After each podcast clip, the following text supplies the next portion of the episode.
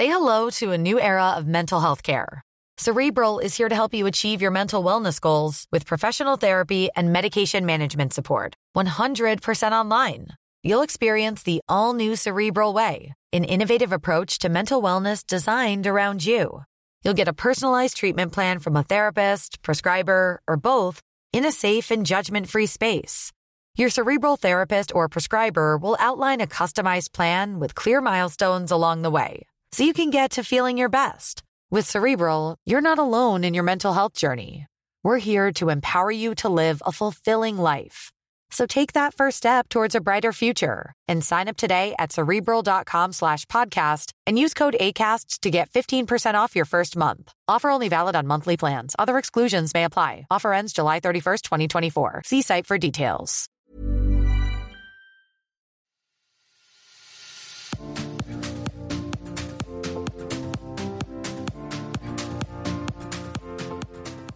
Velkommen, velkommen. Silje Dyregrov heter jeg, og på plass her eh, ved siden av meg, Halvor Ekland. God dag, Silje. God dag, god dag.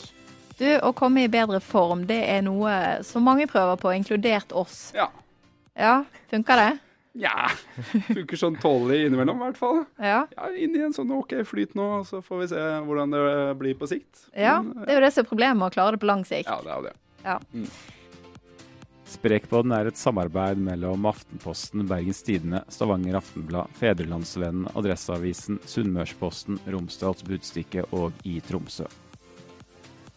Og med oss i studio i dag så har vi en som eh, man kan si virkelig har klart det. Jan Post, eh, langrenns- og friidrettskommentator i NRK. Velkommen til deg. Tusen takk for det. Hyggelig å være her. Ja. Du eh, var vel eh, relativt utrent. Eh, hadde vel kanskje òg noen kilo for mye. Jeg skal være veldig varsom med hva jeg sier her, men Jeg kan si det for deg. Jeg var tjukk og lat. ja. Men så skjedde det noe. 2011. Ja, det var Jeg har jo vært i veldig god form tidlig i mitt liv. Det skal sies fram til jeg var 20 år, så drev jeg veldig mye med idrett. Det var i bra form. Jeg tok noen medaljer i junior-NM i orientering. Jeg gikk junior-NM i langrenn og var i bra form. Men så begynte jeg med det journalistyrket, da. og Det er ikke så helsebringende egentlig alltid. Eh, det tok jo noen år før jeg skjønte at det å være i utlandet på tur, det var dagliglivet og ikke bare et sted man skulle kose seg med tre retters middag og, og tre halvlitere liksom hver dag. Um, og I og med at jeg gjorde det noen år, så veide jeg plutselig 0,1 tonn, som jeg pleier å si. Um, og det var jo da 25 kilo over der jeg burde være.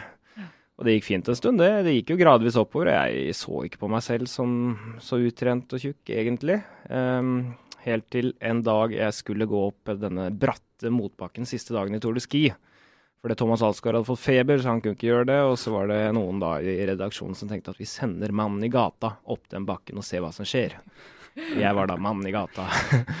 og da hadde det, jeg hadde litt feber, og det skal sies, for jeg var litt småsyk jeg òg. Men uh, den turen opp der, da gikk det opp for meg at jeg er, er så langt unna der jeg var. Ja, det var. Det var svært lite hyggelig. Det var bare pusting og pesing. Jeg ble svimmel og um, Det var så lite hyggelig at jeg tenkte at nå holder det. Nå er det nok. Nå begynner jeg å trene ordentlig igjen, og så får vi dette på stell. Du, du trodde egentlig at du hadde så mye grunnlag fra tidligere, da? At du ville takle denne bakken godt? Ja, ikke godt. Jeg skjønte at det ikke ville gå veldig fort, men at det skulle være så ille, da. Eh, det hadde jeg ikke trodd. Og jeg så på meg selv som sprekere enn det jeg var. Jeg trodde jeg bare hadde gått litt ned fra gamle dager. Jeg hadde ikke sett de siste ti kiloa komme krypende på, på en måte. Jeg eh, så meg lite speil, antagelig. Eh, så det var litt sånn eh, Ja, det, lyset gikk opp for meg, på en måte. Eller jeg skjønte hvor ille det var. Jeg hører jo nå at uh, dette her er jo egentlig forlegg... Altså det, det er, her begynte jo egentlig helt Ram. Det var jo sånn Ram begynte også. Han prøvde seg jo plutselig på Oslo Maraton. Så var, den ideen er det du som står for, egentlig? Eh, ja, på en måte. Han fant ut på det selv, men jeg har jo vært en tilhenger av å bruke den videoen. Jeg er en ivrig maratonløper nå. Jeg syns det er veldig morsomt å ha sending fra Oslo Maraton og sende video med helt ram. Hva skjer hvis du løper en maraton totalt uforberedt? Det svaret fikk vi. Det. Ja, det gikk jo ikke så bra. Så nei, det, det var gøy. Eh, Helt Ram skal eh, for øvrig løpe maraton. Litt mer forberedt nå i um, 8. april, så vi ønsker han lykke til med det. Ja, det gjør vi definitivt. Så, eh, altså etter den her bakken, da, så, sånn som du sier, det gikk et lys opp for deg eh, at eh, her måtte det skje noe. Ja. Så skjedde det ekstremt mye da, i 2011. Eh, Det viser, det viser seg at kroppen er tilpasningsdyktig. Jeg visste jo ikke hvor fort jeg kom til å gå ned, hvor fort jeg kom til å komme i form. Men det jeg gjorde, var å begynne å trene veldig variert. Eh, Jeg gikk på ski, jeg løp, jeg trente styrke, jeg spilte golf som jeg gjorde på den tida. Jeg slang med når folk skulle spille innefotball. Absolutt alt av aktivitet var eh, ja takk, en god periode. Samtidig som jeg hadde en konkurranse med en kompis. eh, Vi bestemte oss for å trene 200 ganger det året. Eh, Det endte med at jeg trente over 300, tror jeg. Men eh, de, de første ti kila forsvant fort, og da blir man jo motivert. Man føler jo framgang, man føler mestring, og så blir man motivert av det. Og så var jeg såpass på hugget der ute i mars etter å ha gått ned rundt 10 kilo at Thomas Alsgaard spurte meg om jeg skulle løpe New York Marathon. Tror han forventet at jeg skulle svare nei, men jeg var jo, jeg var jo på en bølge. Så jeg sa klart vi skal løpe ny maraton. Det er jo lenge til, det er jo ikke før i november, det går fint. Så dagen etter så meldte vi oss på, og da hadde jeg jo på en måte en forpliktelse òg. Jeg hadde jo ikke tenkt å bli eh, noen maratonløper når jeg begynte å trene. Det var først, først og fremst å komme i form, men da, da fikk jeg et sånn langsiktig mål. Uh, som gjorde at jeg eh, økte treningen og spisset den litt mer mot løping utpå høsten, og, og gikk ned 25 kilo det året. Mm. Og kom meg under tre timer på maraton, så det var jeg veldig fornøyd med når jeg krysset den målstreken i New York. Dette er jo egentlig veldig positive nyheter for meg, for jeg har jo kommet dit hvor du eh, kanskje var, da. At eh, jeg er ute på tur som journalist, og så blir det en halvliter, og kanskje to, og kanskje tre. Og så. Men eh, så er spørsmålet da hvordan, man, hvordan det var å på en måte snu den greia der. Fordi jeg tenker jo fortsatt at når jeg er ute på tur, eller hvis jeg skal til, til eh, Falun og dekke verdenscupen, så, så blir det fort en fin middag og et par øl, liksom. Ja, det blir jo det. Eh, og problemet for meg, da, som er, har kanskje 120-130 reisedager i året, er jo at eh, det er jo hyggelige kollegaer, eh, både fra NRK og fra andre medier, sånn som deg, ikke sant, som kommer, som ikke er like ofte på tur. Og de føler at de må kose seg, og så skal jeg være kjip, liksom. Jeg skal ikke bli med. Du skjønner, jeg var på tur forrige helg, og forrige helg der igjen, så jeg må holde igjen litt.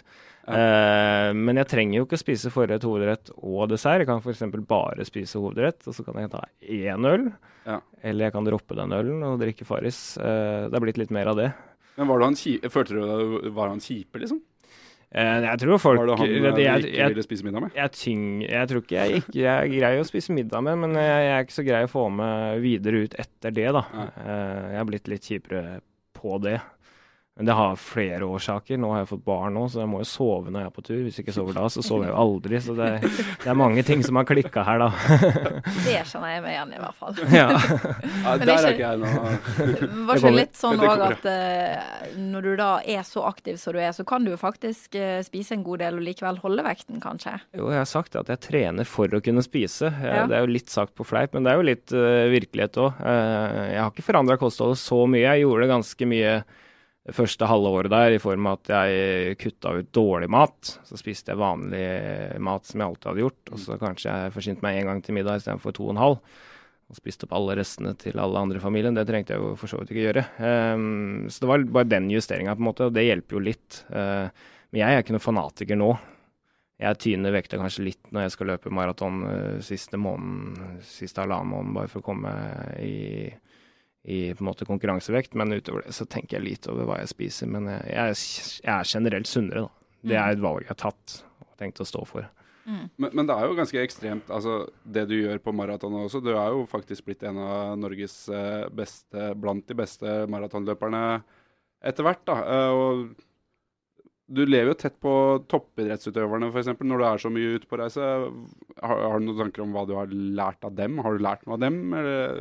Altså, jeg er jo heldig å, å jobbe med veldig mange som kan veldig mye om trening. Ja. Eh, og så er jeg i nærheten av folk som kan veldig mye om trening, så jeg, jeg er jo blitt såpass nerdete på dette at jeg er ganske ivrig til å diskutere trening. Eh, eh, så jeg, jeg har jo loppa mange av de rundt meg for mange tips, og så plukker jeg opp litt her og litt der, og så, men så må jeg måtte tilpasse dette mitt eget liv. Eh, jeg er ikke noen toppidrettsutøver, det kommer jeg aldri til å bli heller. Jeg trener maks én gang om dagen. Og, og, men jeg, jeg er jo såpass konkurransehua at jeg har lyst til å gjøre det best mulig av den tiden jeg bruker på trening. Har jeg lyst til å gjøre så effektivt som mulig, da. Eh, så det er litt det det går i. Kan du på en måte oppsummere hva er de viktigste tipsene du har tatt med deg inn i ditt liv, da? Eh, jeg er ganske klar på at man ikke må trene for hardt. Eh, det var en av grunnene til at jeg la opp som 20-åring, var for at alle skrev på den tida at Bjørn Dæhlie var så hardt å presse seg sjøl. Det var det som Mm. skulle til. Du skal omtrent spy etter hver økt. Og det var det som var hemmeligheten. Eh, folk fortalte jo ikke hvordan han egentlig trente. Det vet jeg mer om nå. Eh, så når jeg kom tilbake og begynte å trene, så, så var det slutt på spytrening. Det var nummer én. Eh, eh, og jeg skulle heller ha det hyggelig for så vidt på trening. Det er ikke alltid som alt er likegyldig, men det er ikke den der type spytrening med masse melkesyre. Så jeg har eh, roet litt ned på tempoet, og så kjører jeg heller lengre økter. Eh, det er på en måte en hemmelighet. Hemmeligheten er jo egentlig at man må trene litt på det man skal bli god til. da. Eh, det syns jeg veldig mange som glemmer. Hvis du skal løpe halvmaraton, så kan du ikke drive og løpe fire ganger fire minutter på mølla. Det er 16 minutter. da, Så skal du bruke 1 time og 45 minutter på halvmaraton. Da blir du god på litt forskjellige ting. Eh, så da bør du heller kanskje kjøre fire ganger ti minutter eller et eller annet sånn. Eh, så man må tenke, tenke litt den biten der. Det er jo mye utholdenhetstrening også i fire ganger fire, men ikke så Ja, er spesifikt kanskje inn mot veldig god økt ja. På sitt vis, men man kan ikke bare gjøre det hvis man skal forvente å bli ganske god til å løpe sånn halvfort ganske lenge. Du har løpt, eh, du hadde løpt i dag? 35 km rett før du kom hit? Ja, jeg hadde en liten maratonøkt. Det er eh, bare tre og En en liten maratonøkt eh, på tirsdags morgen der da. Ja, det var hardt, ja. Så det var tre og en halv uke til jeg skal løpe maraton. Da er jeg på den nest siste harde langturen.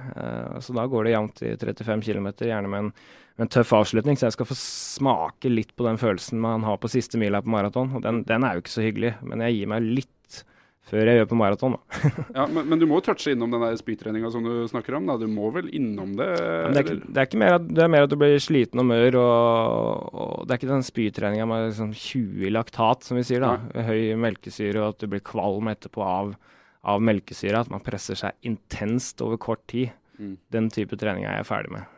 Mm. Eh, for det, lik, det liker jeg ikke. Det gir dårlige minner, på en måte. Det trenger ikke jeg som mosjon- mosjonist å touche. Mm. Jeg ser jo det du har Du har jo snakket litt om dette tidligere og beskrevet hvordan du har klart å finne treningsgleden tilbake. Mm. Handler det òg mye om dette med at du har sluttet å presse deg altfor hardt, eller er det andre ting som spiller inn òg? Ja, det spiller, det spiller Det er flere ting som spiller rolle, men uh, det viktigste er å, at man skal trives med det man gjør, og da kan man ikke liksom gjøre alt forferdelig. Trening skal ikke være forferdelig. Det er ikke det viktigste å vinne den treninga på tirsdag og gjøre absolutt best der. Det var som du var inne på i innledning her, det viktigste er jo at du klarer å trene jevnt bra over lang tid. Det er det som gir resultater. Ikke at man trener fryktelig bra i to uker, og så er det seks uker på sofaen, liksom. Det er mange som begynner der. så Derfor pleier jeg å si at når folk skal begynne å trene, ja, har store ambisjoner, de skal endre kostholdet, de skal gjøre ditt, og de skal trene fem ganger i uka minst. Da sier jeg OK, da sier vi tre ganger i uka. Og hvis du trener fire ganger i uka da, så har du trent én gang mer enn du skulle. Da får du mestringsfølelse. Ho, jeg har vært bedre enn jeg skulle. Men skulle du trene fem og trene fire? Nei, klarte jeg ikke det denne uka igjen. Og så blir du oppgitt.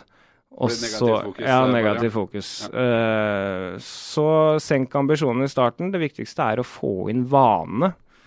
Ikke trenk at du må trene så hardt i starten heller, bare kom deg ut. Over dørterskelen. Uh, er det en fryktelig dårlig dag, så kan du tenke at eh, jeg prøver i 15 minutter. Hvis det ikke fungerer da, så får jeg lov til å gi meg. Du gir deg aldri.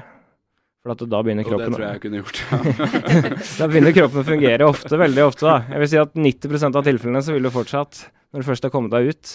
ja, det er sant, ja. altså. Og så mm, Ja, det er, det er noe med det der. Og så finne en treningsrytme. Eh, kanskje gjøre en avtale hvis du vil trene tre ganger i uka. Kanskje avtale på to av dem, da, så klarer du én aleine. Eh, og når du har gjort det da i, i fire-fem uker, uten at det krever altfor mye, så vil du kjenne at du kommer i bedre form. Uh, og det gir jo en mestringsfølelse og en opplevelse som er veldig god. Og er, jeg vil si at i, et voksent liv, da, eh, mange av oss lever et A4-liv. Uh, vi har familie, det er uh, jobben som vi alltid har hatt. Det er jo ikke så mange ting vi blir fryktelig mye bedre på i voksen alder, men dette er en ting du kan føle at du blir veldig mye bedre på. og Du får mestringsfølelse. Og det tror jeg folk trenger, uansett nivå, uansett alder. Eh, godt poeng det. At eh, en av de tingene man kan få mestringsfølelse på, i hvert fall hvis eh, utgangspunktet er litt dårlig, så får du i hvert fall et, en sånn mestringsfølelse. Mm. Men uh, du var innom det med at uh, du er jo mye på reisefot, og så har du kommet inn i liksom en uh, rytme. altså når, når vi er ute og dekker verdenscup og sånne ting, så er det jo ofte I hvert fall uh, for uh, fotfolket som er journalister og skriver om dette, så er det jo lange dager, og det er, det er mye som skjer, og det kan være stressende og sånn. Det er det jo helt sikkert også for deg. Hvor mye klarer du å liksom gjøre når, Hvordan legger du opp da for å få tid til trening? Da, Ja, det er jo ofte veldig travle dager, det er mye som skal, og så er det mye som dukker opp utover dagen. Så jeg har funnet ut at uh, iallfall i min jobb, da, så er det veldig lite som skjer før klokken ni. Uh, og før hotellfrokost. Så hvis jeg klarer å gjøre unna økta da, da er jeg ganske fresh i hodet. Det kan være litt tungt å komme opp av senga av og til, men uh, når jeg først er kommet i gang, så går ofte økta bra, og så er jeg ferdig med den økta eh, til klokka ni. Så kan jeg sitte og spise en rolig hotellfrokost før at jeg har gjort en god jobb, og nyte den. Og så kan jeg gå inn i arbeidsdagen. Og hvis det da dukker opp møte utover kvelden og sånn, så blir jeg ikke stressa av det, for jeg har allerede trent. mm. Mm. Men Blir du stresset da hvis du ikke får trent en dag? Altså? Ja, hvis jeg har planlagt noe og er på gang mot et mål, så liker jeg ikke å ikke få gjennomført det, på en måte. Eller iallfall gjort, gjort noe, da. Og da kan det hende med at man må begynne å trene veldig sent på kvelden, eller at man ikke får trent, og så legger man seg en litt sånn halvdårlig følelse, og så skal man ta igjen dagen etter, og så er man inne i en dårlig trend. Så hvis det er mulig, eh, og det er det ofte når jeg er ute på reise, da er det ingen barn som står opp klokka seks om morgenen, halv seks, eller skal noe som helst. Da er jeg bare meg selv å, å tenke på. Eh, og det er jo Jeg føler meg privilegert når jeg er ute på tur, sånn sett, uh, som familiefar. Så da er det opp til meg. Uh, hvis jeg er dårlig motivert og ikke gjør det, så er det min egen skyld. Ja. Ja. Så enkelt. Ja, det høres jo veldig enkelt ut. Men det er jo det å orke å gidde å stå opp tidlig og trene før jobb, da, som jo Ja, da hjelper det å ikke legge seg to, da, Ja, det, for eksempel. kanskje det er det jeg skal begynne med. Jeg vet. har du det, Halvor. Det var lurt. Jeg er jo så imponert over på en måte starten din dette året, så du da trener over 300 ganger. Altså det, det høres jo For det er nesten toppidretts... det, det er jo ganske ekstremt. Og du nevnte jo sjøl dette med å trappe litt sånn gradvis opp for å ikke miste motivasjon og sånn. Hvordan klarte du sjøl å beholde motivasjonen når du da var såpass utrent og begynte å trente såpass mye og hardt? Eller jeg vet ikke om du trente hardt, men mye Ja, i jeg, jeg fall. trente iallfall en, en del. Det var mye aktivitet. Eh, jeg er ganske bestemt av meg, da. Så når jeg først bestemmer meg for noe, så holder det iallfall noen måneder. Og så må jeg si at jeg trodde ikke at kroppen skulle respondere så fort. At kiloene skulle renne så fort da, at man skulle komme i så mye bedre form. Så jeg ble veldig motivert av det. Og så ja, tok jeg kontakt med noen gamle venner som var aktive. Jeg, det var sosial arena òg. nå er jo treningen blitt en veldig viktig sosial arena for meg. Det er en fin måte å, å treffe folk på. Um, så det var rett og slett jeg ble drevet av den framgangen og så at det jeg gjorde, virket. Um, og så, så blir man etter hvert kanskje litt avhengig av den følelsen man har etter trening. Den er jo veldig god når endorfinene raser rundt i kroppen. Uh, jeg kom litt på, på en måte hvorfor jeg var aktiv før. Det var litt sånn tilbake til meg sjæl-opplevelse. Nå er det kun maraton, ikke sant? Som du liksom trener for. Ja, altså, jeg, jeg syns maraton er greit fordi at én, det er såpass voldsomt at hvis du ikke gjør jobben, så, så blir du avslørt, på en måte. Så det er på en måte en sånn eh, eh, tvangsvest som hele tida henger der, som Ja. motiverer meg. Um, og, så, og så var det en ting jeg aldri drev med før, da. Mm. Så jeg trenger ikke å måle meg mot mitt gamle jeg før jeg var 20 år, på en måte. Dette er mitt nye jeg som har begynt med det her. Så da Du har jo en helt selv. ekstremt god tid på maraton. Det må nesten nevnes. Altså 2.32,53, ikke det det som er beste tiden? Det stemmer. Det er jo ekstremt det er- imponerende. Det er fort, altså. Ja, altså, Det kommer an på hvordan man ser det. Det er jo greit å være mosjonist, men hvis man sammenligner med det beste i verden, så er det fortsatt 45-50 sekunder saktere per kilometer.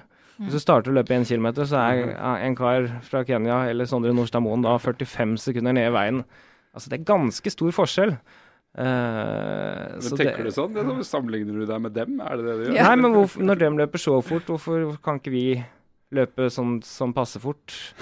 Jeg vil jo si det er passe fort. Det er jo mer enn passe fort, det er ekstremt fort. Ja, det er sånn jeg tenker, på en måte. Det er, uh, for, for meg så er ikke det veldig fort, på en måte. Men uh, jeg, jeg syns jeg burde løpe fortere etter hvert. Men eh, Hvor mye trener du for å klare den type tider nå, da? det er det som er at folk tror jeg trener som en gal og trener veldig mye, men det gjør jeg jo ikke. Eh, jeg trener seks til åtte timer i uka, vil jeg tro.